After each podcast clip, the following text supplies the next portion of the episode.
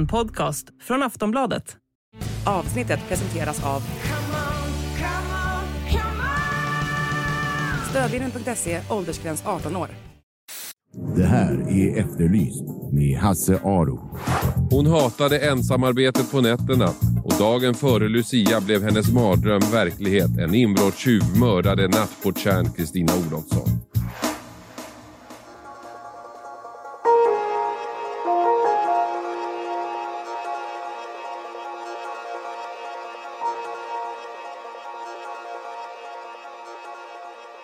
Den döende polismannen kunde inte längre prata. Men han kunde skriva. Under sin sista tid i livet skrev Tommy Lövqvist ner sina tankar om det olösta mordet på Kristina Olofsson. Lösningen på ett av Sveriges mest mytomspunna kalla fall kan finnas i hans anteckningsblock. Det här är hotellmordet i Visby. Ett avsnitt av podden Aftonbladet Krim. Jag heter Katarina Norgran.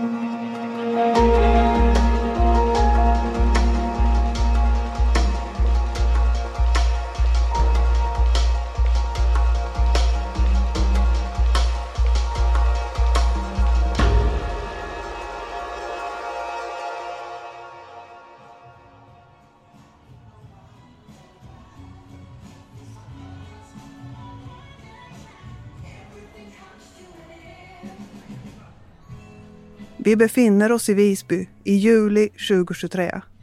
Det har varit en behaglig dag, runt 20 grader varmt och ljumma vindar. Det är som gjort för att vandra runt bland myllret av turister och njuta av den vackra medeltidsstaden. Almedalsveckan är över sedan några veckor.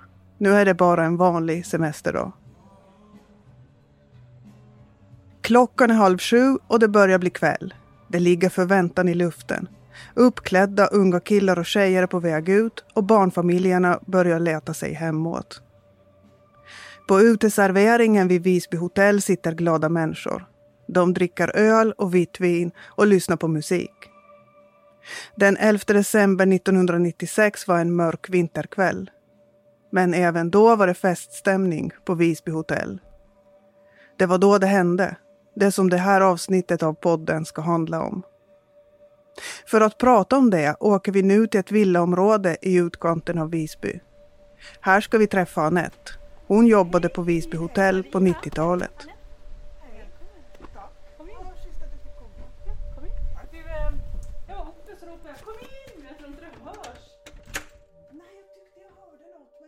Anette berättar att hon trivdes väldigt bra som receptionist.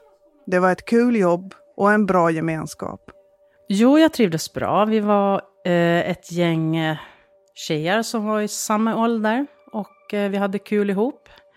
Jag eh, var gravid precis 96 där, så då var jag inne i en liten annan fas än de andra tjejerna. Men vi hade väldigt roligt ihop och eh, det var god kamratskap och bra stämning generellt på hotellet. Mycket unga människor. Det är Anettes dåvarande kollega Kristina Olofsson som är huvudpersonen i det här avsnittet. 1996 var Kristina 46 år gammal. Annette minns att hon hade en annorlunda roll och framtoning än de mycket yngre kollegorna. Hon var ju inte med oss till exempel när vi var ute på och festade i Visby. Utan hon var ju mer... Eh, satt mer hemma, hade andra intressen än vad vi hade. Hon var ju mycket ute och reste bland annat. Eh, hon var en bra kollega som var ja, men, ordningsam och ordentlig och lärde upp. Hon fick ofta lära upp nya eh, ja, folk som kom eh, som, och skulle bli ny, nyanställda. Då. fick hon ta hand om för att hon var en ordentlig medarbetare helt enkelt. Den här ordentligheten, den återkommer när Annette beskriver Kristina. Ja, hon var en, en korrekt person. Och det syntes liksom från på hela hennes eh, framtoning, hur hon, hur hon klädde sig, hur uniformen alltid var korrekt struken och ja, men välvårdad. Kort, grått hår och glasögon. Lite annorlunda mot oss andra, kan jag säga. Men Annette beskriver också Kristina som en rolig person, med värme. När man lärde känna henne så förstod man att hon hade humor, men jag kan säga att det kunde ta lite tid att komma innanför det här skalet. Eh, hon var varm, snäll och generös. Och var mån om att vi skulle lyckas och ha det bra, liksom vi andra. Men som sagt, jag, i början var jag nog lite rädd för henne om jag ska vara ärlig. För att hon hade en sån en framtoning av att vara seriös och skarp och kunde säga ifrån verkligen till både gäster och kollegor. Så att eh, jag hade absolut respekt för henne i början och det tonades ju ner efterhand man lärde känna henne. Den 11 december 1996 jobbade Anette i receptionen. Kristina skulle komma och avlösa henne vid elva tiden på kvällen. Det var julfesttider och fullt drag trots att det var onsdag kväll mitt i veckan. Det populära dansbandet Gotlänningarna spelade och stämningen var hög på Visby hotell. Det var dans den kvällen. Det var eh, mycket folk. Många glada gotlänningar. Det var en personalfest där från posten, om inte jag minns fel. Så det var verkligen en härlig stämning. Men det var inte alla som gillade stämningen på hotellet den här kvällen. Kristina, hon hade svårt att jobba när det var fest på hotellet. Hon avskydde stök och fulla människor. För det hon, hon ville ha kontroll. Det var jätteviktigt för henne att ha det. Och om det inte blev så, då, då trivdes hon inte. Och då blev hon ju kanske lite vresig och kort i tonen och så. Bland det värsta Kristina visste var när upprymda festdeltagare ibland misstog receptionen för en bardisk och kom och försökte köpa öl av henne. Det var ett beteende hon inte tolererade. När Kristina kom till jobbet höll hon och Annette en överlämning, precis som de alltid brukade göra. Men den här kvällen gick det fortare än vanligt. Kristina verkade irriterad. Jag minns att jag tyckte att hon var lite kort i tonen och tänkte att mm, ja, det är ju för att det är dans. Det här tycker hon ju inte om. Det är ju som att kommer rätt in i helvetet för henne faktiskt massor människor som var glada och tjoade och kimmade och dansade och var lite berusade och så. Sen gick Anette hem. Hon skulle jobba igen följande morgon. Då skulle ju hon och Kristina träffas igen. Så det är det sista jag minns av Kristina. Att eh, vi sa hej då och vi ses klockan sju, sa jag. Jag försöker komma in lite tidigare. Och då har, hade man då en överlämning. Och så skulle hon då köra nattens alla göromål och förbereda för mig dagen efter. Så det var planen, men så blev det inte riktigt. Annette går hem. Hon sover några timmar och sen vaknar hon tidigt för att gå till jobbet. Då ringer hennes chef. Klockan är runt halv sju på morgonen. Han är lite kryptisk, men han förklarar att det har hänt något på hotellet. Det har hänt en olycka här i natt på hotellet. Så du får inte gå in personalingången när du kommer, utan gå in huvudingången.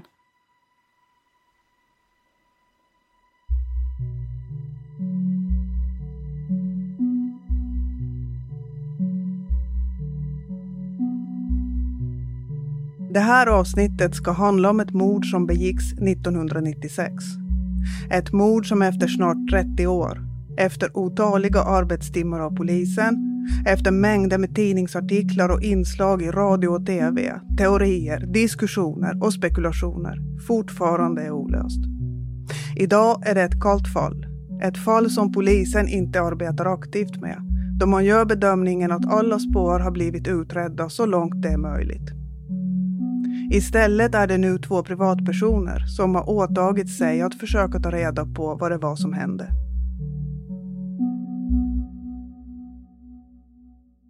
Ni som är vana lyssnare på den här podden, ni vet att vi ofta befinner oss i rättssalar eller pratar med åklagare eller poliser.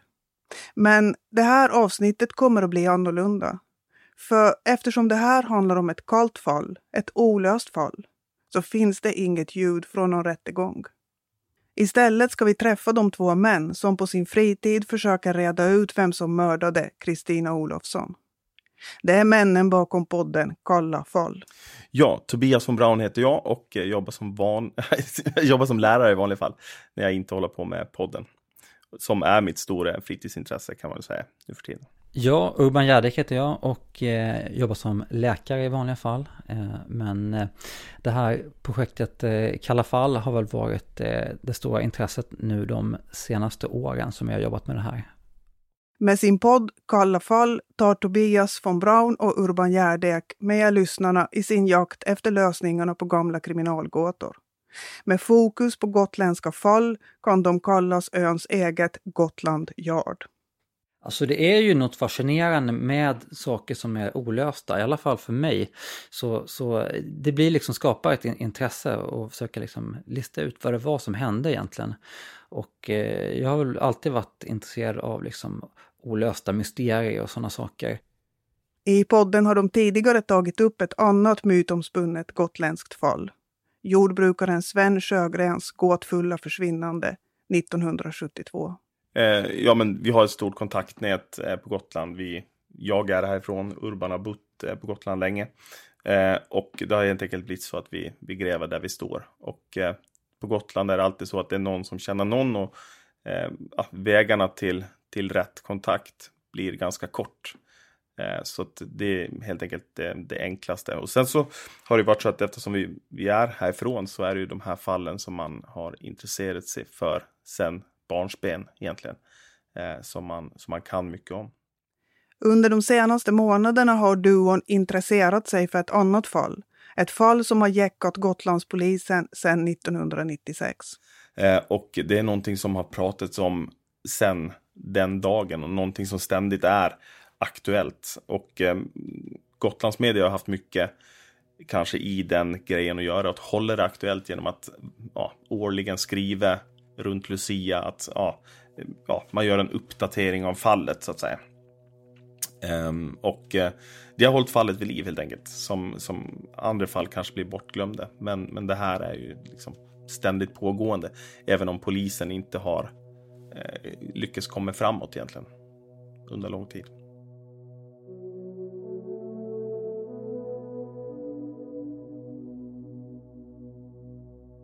Fallet har gått i kriminalhistorien som hotellmordet i Visby. Om några månader har det gått 27 år sedan den decembernatt då någon med onda avsikter tog sig in på Visby hotell. Vi backar bandet drygt två och ett halvt decennium till natten mellan den 11 och 12 december 1996. Anette, som vi pratade med i början av avsnittet, lämnar hotellet och Kristina tar över ansvaret för receptionen. Det är stimmigt och många berusade gäster. Timmarna går och vid halv tre-tiden på natten lämnar de sista festdeltagarna hotellet. Lugnet lägger sig. En halvtimme senare, vid tretiden på natten, kommer en gäst till hotellet. Då står Kristina på sin vanliga plats bakom receptionsdisken. Hon håller på med datorn och allt verkar vara som vanligt. Hotellgästen säger hej till Kristina och går till hissen för att åka upp till sitt rum. Precis innan hissen kommer hör han ett ljud. Ett metalliskt ljud. Ett ljud som kan ha kommit från den korridor där något fruktansvärt snart ska hända. Men där och då tänker han inte så mycket på det där märkliga ljudet. Han åker upp och somnar i sin sköna hotellsäng. Följande morgon vaknar Gotland till en chock. Då vi ska börja med mordet på Visby hotell i natt. Ja, det är en kvinna i 45-årsåldern som hittades i morse mördad utanför ett kontorsutrymme på Visby hotell. Klockan är kvart i sex på morgonen den 12 december när en servitör kommer till jobbet på Visby hotell. Han ska förbereda frukosten så att den är klar när stan och hotellgästerna snart ska vakna till liv. Han blir förvånad när Kristina inte står på sin vanliga plats bakom receptionsdisken. Han börjar leta och i en korridor i hotellets kontorsdel hittar han sin arbetskamrat. Hon ligger framstupa och är livlös. Kristina är död. Hon har blivit ihjälslagen med en bultsax som kom från hotellets eget verktygsförråd. En utredning om mord inleds omgående. Lokalradion rapporterar om polisens utredning. Vi har hört ett 45-tal eh, gäster som eh, bodde på hotellet under natten. Och sen har vi hört en del eh, personer som har varit på restaurangen under gårkvällen och en bit in på natten. Spaningsledaren Gösta Svensson berättar att man kontrollerat alla som rest från ön under tiden efter mordet. Ja, det har vi gjort. Dels vid, eh, vid flygplatsen och dels vid, vid färjan. Men hittills har vi inte fått eh, fram någonting som tyder på vem som kan ligga bakom det här eh, mordet. Inga framsteg görs under de första dagarna. I efterhand kan man konstatera att polisen troligen gjorde en del misstag de första timmarna och dagarna efter mordet. Tobias von Braun tror att det kan ha bidragit till att fallet fortfarande är olöst. Även om det var, äh, var en period på Gotland där, där det begicks grova våldshandlingar och det, det finns andra mord. Eh, så ändå så var man inte speciellt van med det här. Så man visste inte egentligen hur man skulle göra och man famlade lite grann i blindo. Eh, ett exempel är att man, man höll hotellet öppet till exempel. Eh, och eh, man släppte också iväg de som bodde här utan att gå igenom eh, ja, vad de hade i, i, packningarna eller vilka människorna egentligen var. Så att de hade, om det var en hotellgäst till exempel, så hade de ju oerhört bra med tid på sig att göra sig av med, med mordvapen eller vad det nu kan ha varit, kläder. Trots att utredningen går trögt dyker det tidigt upp några spår som kommer att få betydelse för polisens hypotes. Det man kan säga är ju att man har ju en ganska klar bild av vad eh, gärningspersonen eller kanske snarare gärningspersonerna tog sig in. Att man då tog sig in genom ett eh, rum, rum då, ett hotellrum där, för närvarande, där det för närvarande pågick eh, renoveringsarbeten och rummets fönster var då täckt med plast. Där personen tagit sig in hittar polisen ett skoavtryck. Under utredningen lyckas polisen få fram vilken typ av sko det handlar om. En eh, sko av modell Reebok X och Fit storlek 43-44. Inne på hotellet hittar man fler skoavtryck från samma sko och hypotesen är alltså att de också kommer från samma person. Eh, inte bara då i det här rummet utan även eh, på fler ställen i hotellet och även i anslutning då till mordplatsen. Så man kan alltså koppla den här till mordplatsen eh, men man har inte lyckats koppla det till själva mordet men man utgår från att det här, den här skon har med det här brottet att göra. Tidigt i utredningen kommer också vittnesuppgifter som polisen tar på allvar. Det handlar om en man i en speciell jacka. Eh, mannen i jackan som sågs utanför hotellet var en, en restaurangpersonal som eh, på väg hem ser en person i en orange seglarjacka stå utanför hotellets varuintag. Eh, den här personen eh, försökte man få tag i via Efterlyst men det var ingen som eh, gav sig till känna och då gjorde man helt enkelt tolkningen att den här personen då kanske eventuellt hade någonting med, med mordet att göra. Och man tänker sig då att man ifrån det här rummet 112 har gått ner och släppt in ytterligare gärningspersoner en ytterligare detalj som polisen lägger vikt vid gäller ett ljud. Det är något som flera olika vittnen samstämmigt berättat om. Senare på natten så, så hör man då den här eh, eh bilen eh, som ska vara en, eh, ja, för de som känner igen sån, en Volvo-bil med trasigt avgasrör. Som kör snabbt genom Visby ut vid hamnen och sen upp eh, ytter, tillbaka in i Visby. Den här bilen har alltså hörts av flera vittnen under natten. Och även tidigare i veckan. Eh, så att man tänker sig då att eh, det här är en, en, en, en, bil som helt enkelt frekvent är här inne. Men just den här natten så körde den väldigt sent och väldigt fort. Vart bilen sen tar vägen, det har polisen inte lyckats ta reda på. Man vet ju inte vart den här bilen tar vägen. Eh, utan den sista observationen görs ju när den körs ut då genom den här så kallade Skansport då, som är en port i Visby ringmur. Och eh, sen efter det så eh, är det ingen mer vittne som hör den. Och då finns det ju en teori då om att bilen ska ha försvunnit ner i ett underjordiskt garage då som finns precis utanför där.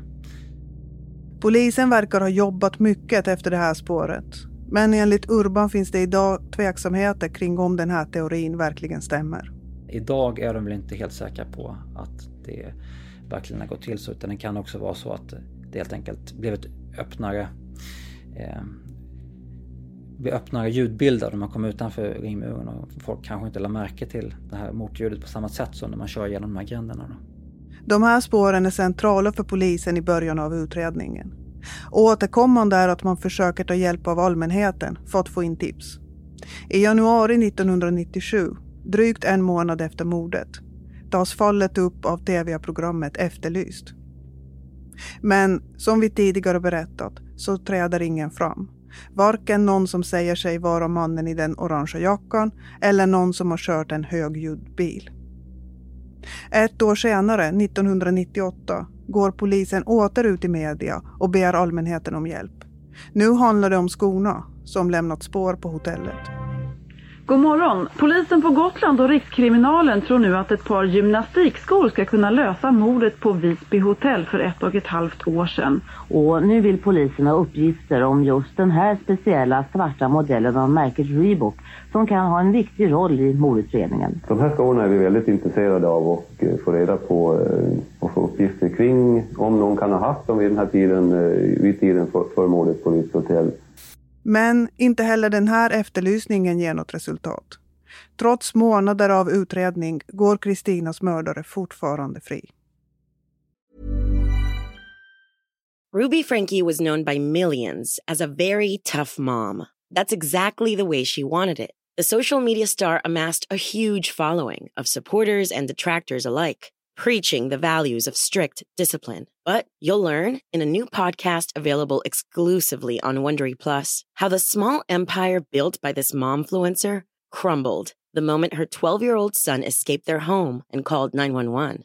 Wondery and Law and Crime bring you the new podcast, The Rise and Fall of Ruby Frankie, which explores the allegations of starvation, torture, and emotional abuse leveled against Frankie and her business partner, Jody Hildebrandt. Learn about the family's path to stardom, the depravity investigators uncovered inside the home, and hear in depth analysis of the ongoing criminal trial. Listen to the rise and fall of Ruby Frankie exclusively and ad free on Wondery Plus. Join Wondery Plus in the Wondery app or on Apple Podcasts.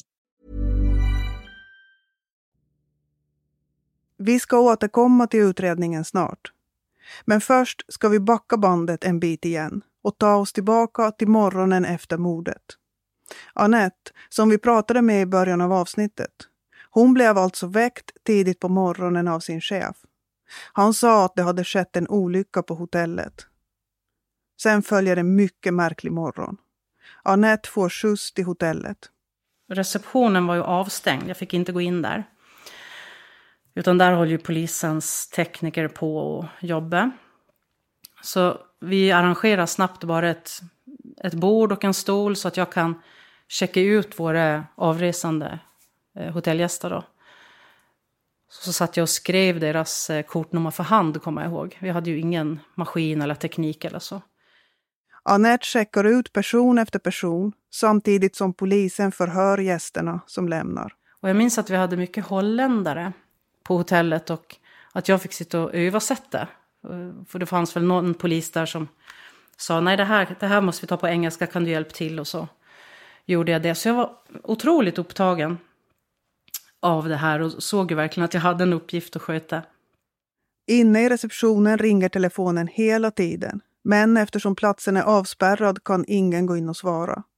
Efter några timmars arbete får Anette en paus. Hon går ut och sätter sig i personalrummet. Och så säger jag till någon där inne. Jag minns inte, en kollega i alla fall. Men gud, hur är det med henne?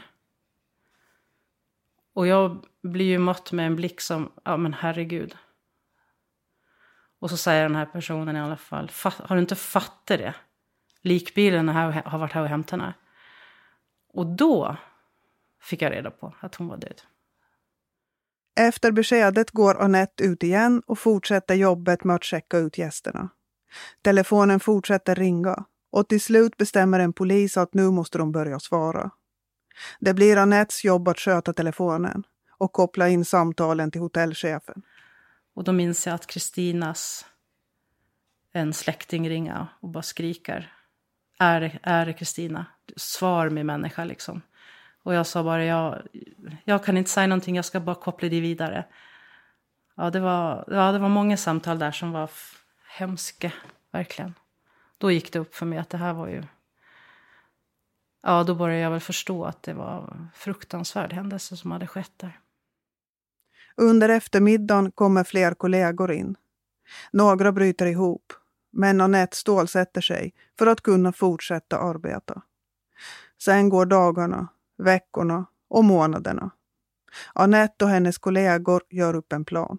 Jo, vi var ju, som jag sa så var vi ett, i kollegiet så var vi ju ett tajt gäng då i, i samma ålder och hade väldigt roligt ihop. Och nu fick vi ju en väldigt sorglig sak som förenade oss. Och jag minns att vi sa, när det här är över då ska vi träffas. När vi vet, när de har löst det här då ska vi träffas och ha en fest för Kristina, eller i, hennes ära i alla fall. Så där pratade vi. Vi trodde ju kanske att det skulle ta, inte ta så här lång tid då. Och när jag träffar de här goda kollegorna i, på stan, man nickar till varann och vi kramas och skrattar och, och alltid så tar vi upp det här. Ja, vi har fortfarande inte haft den här återträffen eller festen som vi skulle ha. Så är det ju. Visst är det jätte... Det är sorgligt och det är kan jag bli väldigt frustrerad och irriterad att inte det, vi kan få ett svar. För hennes skull om inte annat.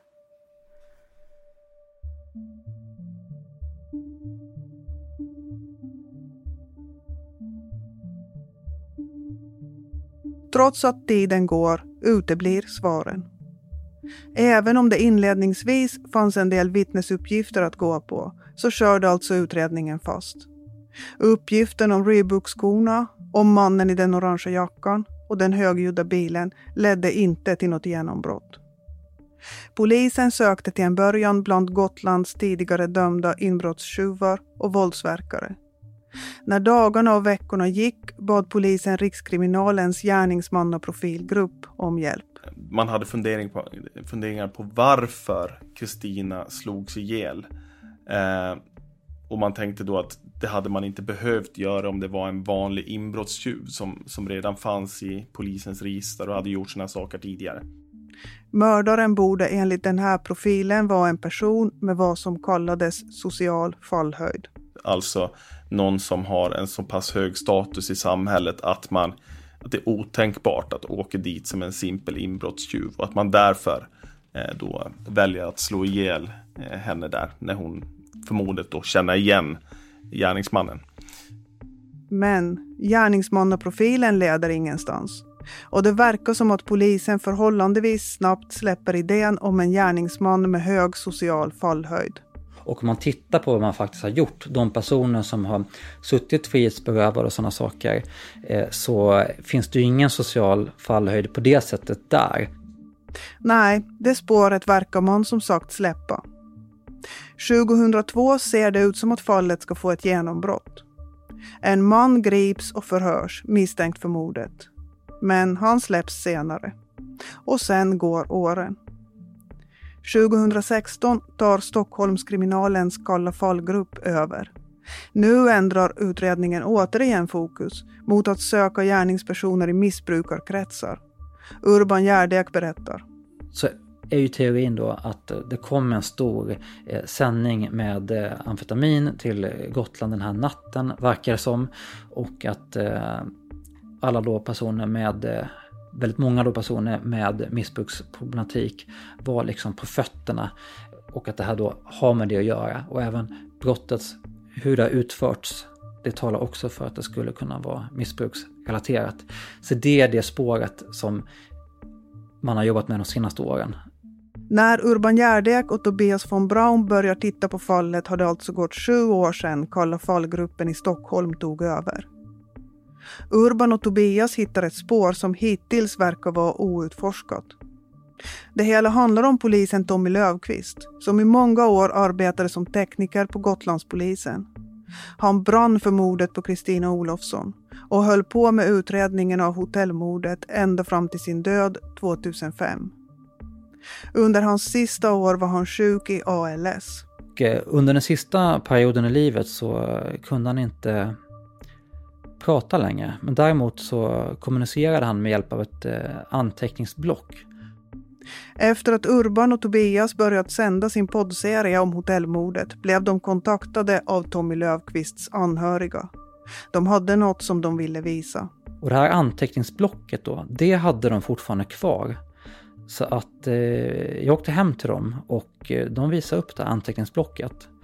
Och då hittade vi faktiskt en del anteckningar just som handlade om mordet på Visby hotell.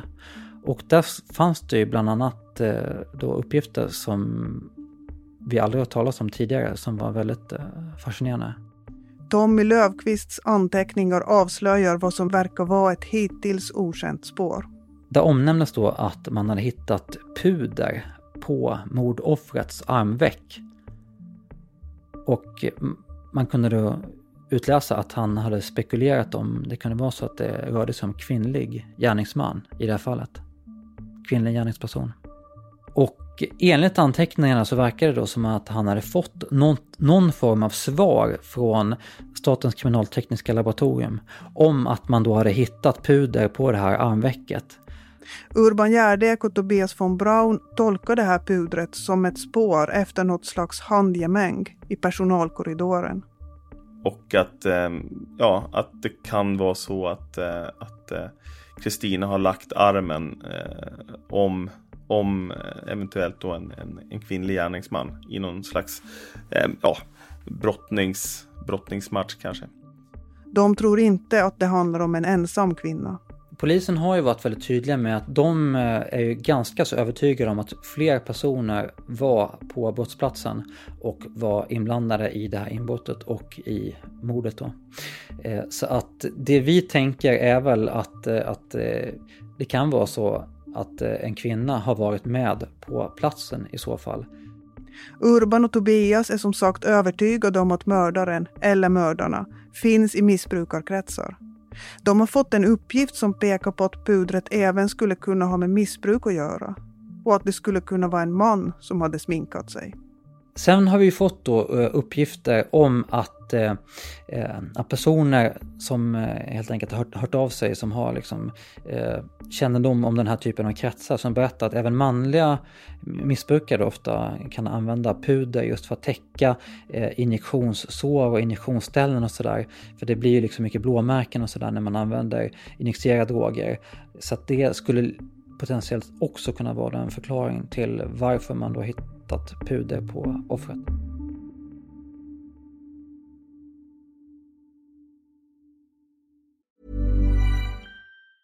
Tired of ads barging into your favorite news podcasts? Good news. Ad-free listening is available on Amazon Music for all the music plus top podcasts included with your Prime membership. Stay up to date on everything newsworthy by downloading the Amazon Music app for free or go to amazon.com slash news ad free. That's amazon.com slash news ad free to catch up on the latest episodes without the ads.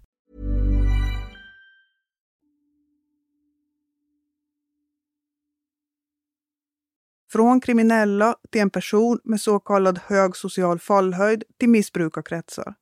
Utredningen har spretat och bytt spår under åren. Gemensamt för samtliga spår är att de inte har lett till någon lösning. I sitt arbete med att utreda fallet har Urban Gärdek och Tobias von Braun även återvänt till själva brottsplatsen. Tillsammans med dem är vi nu tillbaka på Visby hotell. Vi står i korridoren i personalutrymmena bakom receptionen. På platsen där Kristina Olofsson blev ihjälslagen. Med blå heltäckningsmatta på golvet och vitmålade dörrar känns det som att det mesta här inne är sig likt sedan 1990-talet. Men på ett ställe är mattan utbytt. Det är där Kristina hittades. Vi sa ni att mattan är utbytt här bara just ja. Mm, precis, man ser att en annan uh, matta där. Ja. Eh, så att jag tror antagligen har polisen tagit med sig hela den här mattan. I korridoren visar Urban och Tobias en annan detalj som de har fastnat för. Det gäller en sak som hör ihop med en vittnesuppgift från en av hotellgästerna. Förutom mördaren eller mördarna den sista personen som ser Kristina Olofsson i livet. Den gäst som kommer till hotellet vid tretiden på natten hälsar på Kristina och sen hör ett högt metalliskt ljud innan han kliver in i hissen. Men att, det här, att de drar i den här. är det metalliska ljudet som vittnet hör. Eh, de, de kanske Att man försöker, man försöker dra ut det. Man har tänkt, kollat liksom. Ljudet kommer från hotellets gamla bankbox. Det är en metalllåda som sitter fast i väggen med ett fack där personalen la in sedlarna.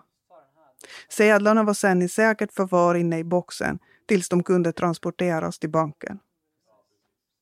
Urban Gärdek och Tobias von Braun tror att det var ljudet från bankboxen som vittnet vid hissen hörde. Att det var någon som tagit sig in på hotellet och letade efter pengar. Och att Kristina blev ihjälslagen när hon konfronterade tjuvarna.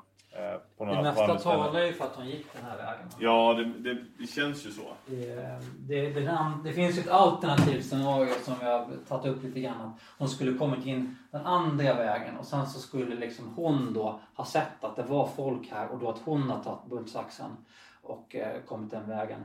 Eh, men, eh, men det kan man ju säga, det är ju inte huvudscenariot utan det mest rimliga är att hon har kommit den här, den här vägen genom de här glasdörrarna då. Pengarna i bankboxen gick inte att komma åt. Men den, eller de som mördade Kristina, fick ändå med sig pengar från hotellet. Man vet inte exakt hur mycket pengar det var. Det har ju nämnts olika summor. Men ett par tusen kronor, 5-6 tusen sådär, är väl den summa som jag fått. Men jag tror inte att de visste egentligen hur mycket pengar det var. Utan det var... blev dödad för några tusen? Ja.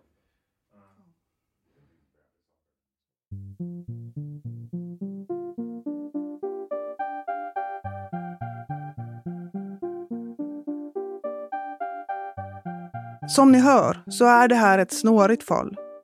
Det finns flera olika trådar att dra i, men någon röd tråd är svår att hitta. Anteckningarna i Tommy Löfqvists anteckningsblock är gissningsvis det mest konkreta spår som Urban Gärdek och Tobias von Braun fått fram i sin privatutredning. Efter att de nya uppgifterna kommit fram ska åklagaren Susanne Wilborg och polisens Kalla fallgrupp i Stockholm under hösten ha ett möte. Då ska de diskutera hur utredningen av hotellmordet ska gå vidare. Anteckningsblocket är inte det enda potentiella spåret som skulle kunna leda utredningen framåt. Från brottsplatsen på Visby hotell har polisen säkrat två DNA-spår. Det ena DNA är partiellt. Det är för ofullständigt för att med dagens teknik kunna användas för att identifiera en person. Hur bra det andra DNA-provet är, det har polisen inte berättat. Och eftersom det här är en pågående utredning är materialet inte offentligt. När det gäller de kalla fallen, de som har varit olösta i åratal, då kan DNA vara ett trumfkort för polisen. Minnesbilder bleknar med åren. Människor försvinner och platser förändras. Men ett sparat DNA-prov kan tvärtom komma att bli mera värdefullt i takt med att tekniken för att analysera och använda det utvecklas. Ja, utvecklingen går ju rasande fort nu faktiskt. Både vad det gäller att man behöver mindre och mindre DNA för att kunna få fram vettig information. Man är nere på ungefär, man behöver en tusendels blodsdroppe ungefär.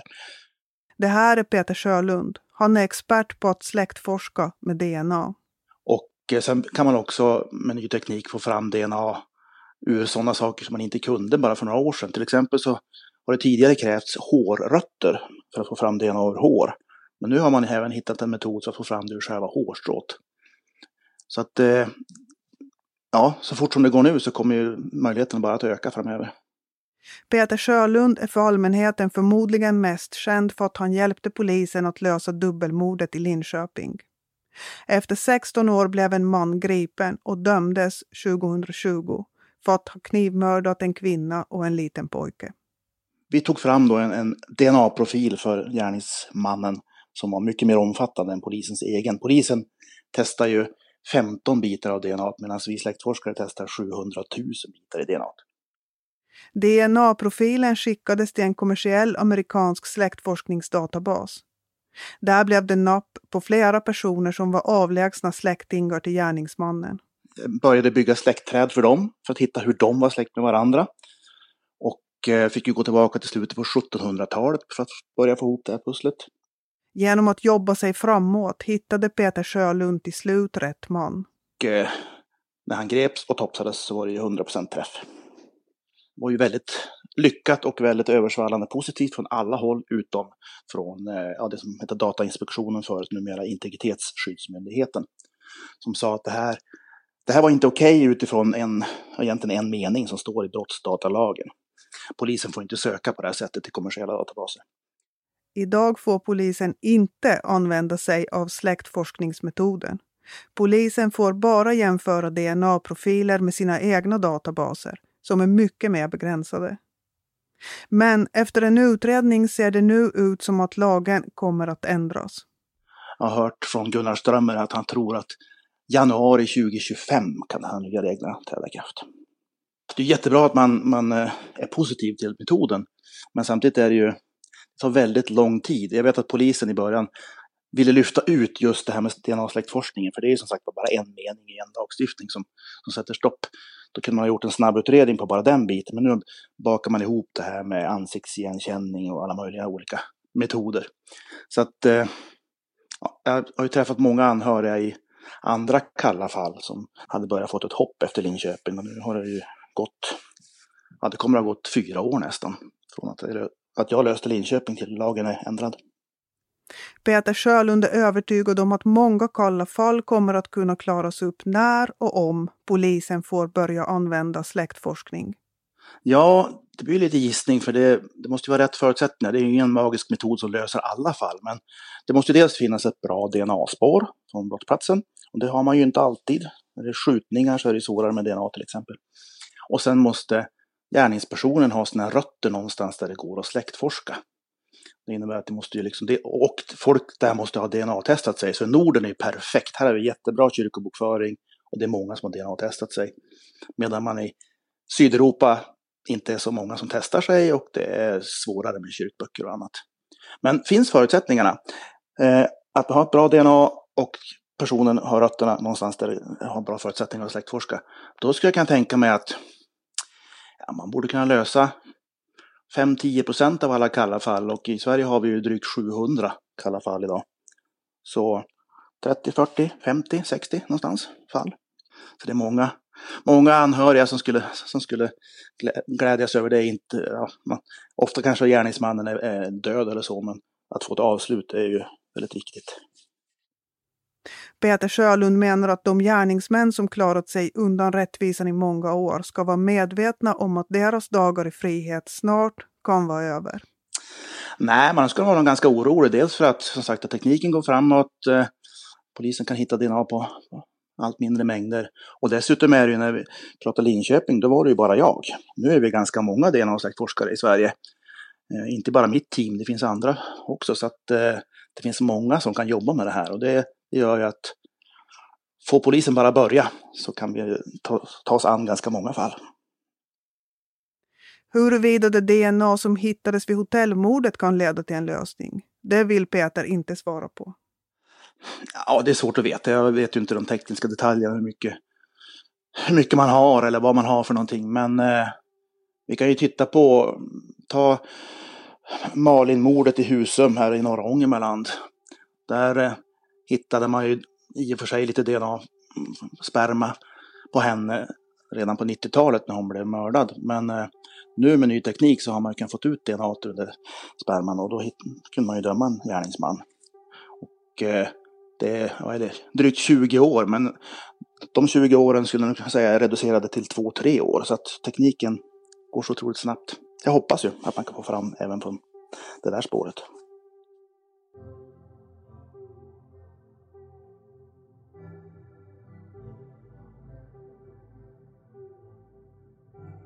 När vi spelar in det här avsnittet vet vi alltså inte vad som hände Kristina Olofsson den där natten precis före Lucia 1996.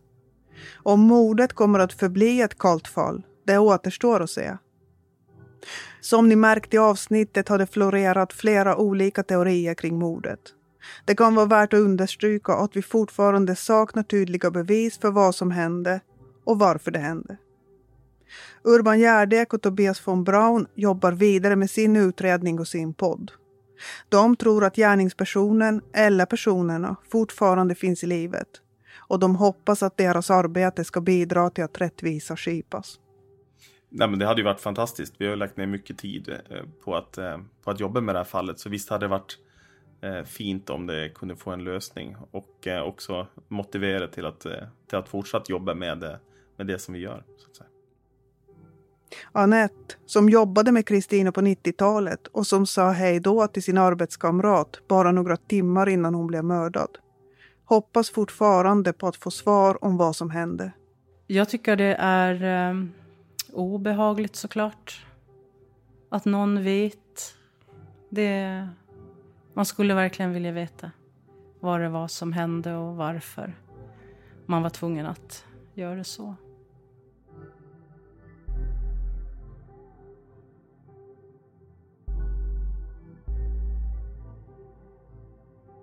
Du har lyssnat på ett avsnitt av Aftonbladet Krim. Klippen i avsnittet kommer från Efterlyst och Sveriges Radio. Jag som pratar heter Katarina Norgran. Producent är Marcus Ulfsand.